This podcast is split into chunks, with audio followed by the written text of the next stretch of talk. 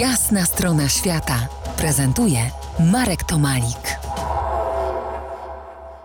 Gościem jasnej strony świata Filip Ruciński, indolog, znawca sanskrytu i nauczyciel jogi. O jodze moglibyśmy tu snuć opowieści tygodniami, ale mamy nieco mniej czasu. Co mają wspólnego yoga i sanskryt? Yoga i sanskryt. W ogóle słowo yoga jest sanskryckim słowem, więc e, pierwsze, pierwsza, pierwsza zgodność. Poza tym e, yoga, ale jeśli ktoś chce być dobry w filozofii, i to filozofii każdej, powinien znać sześć głównych dyscyplin i yoga jest jedną z nich.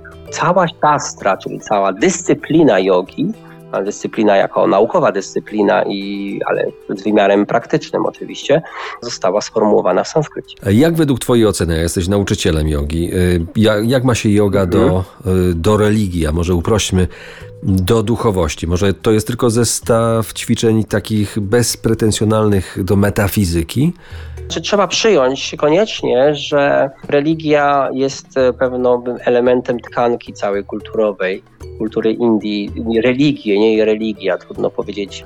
Trudno, e, hinduizm nie jest jednolitą religią, tylko jest, e, tylko jest e, powiedzieć, ogromną ilością, zbiorem różnych, różnych, różnych praktyk. I trudno nawet znaleźć jakąś ostrą granicę między jedną praktyką, którą określić można jako wiara i oddawanie czci, od praktyki, która polega na uspokojeniu siebie i działa psycho, psychologicznie na człowieka. A więc tutaj granice bardzo, granice bardzo trudno postawić, dlatego pytanie jest też bardzo trudne. Yoga jest elementem, który wyrósł, która wyrosła w indyjskiej kulturze, ale była obecna i jej, tak jak mówiłem, te sześć systemów, one były nauczane przez e, wyznawców wszystkich religii, wszystkich grup.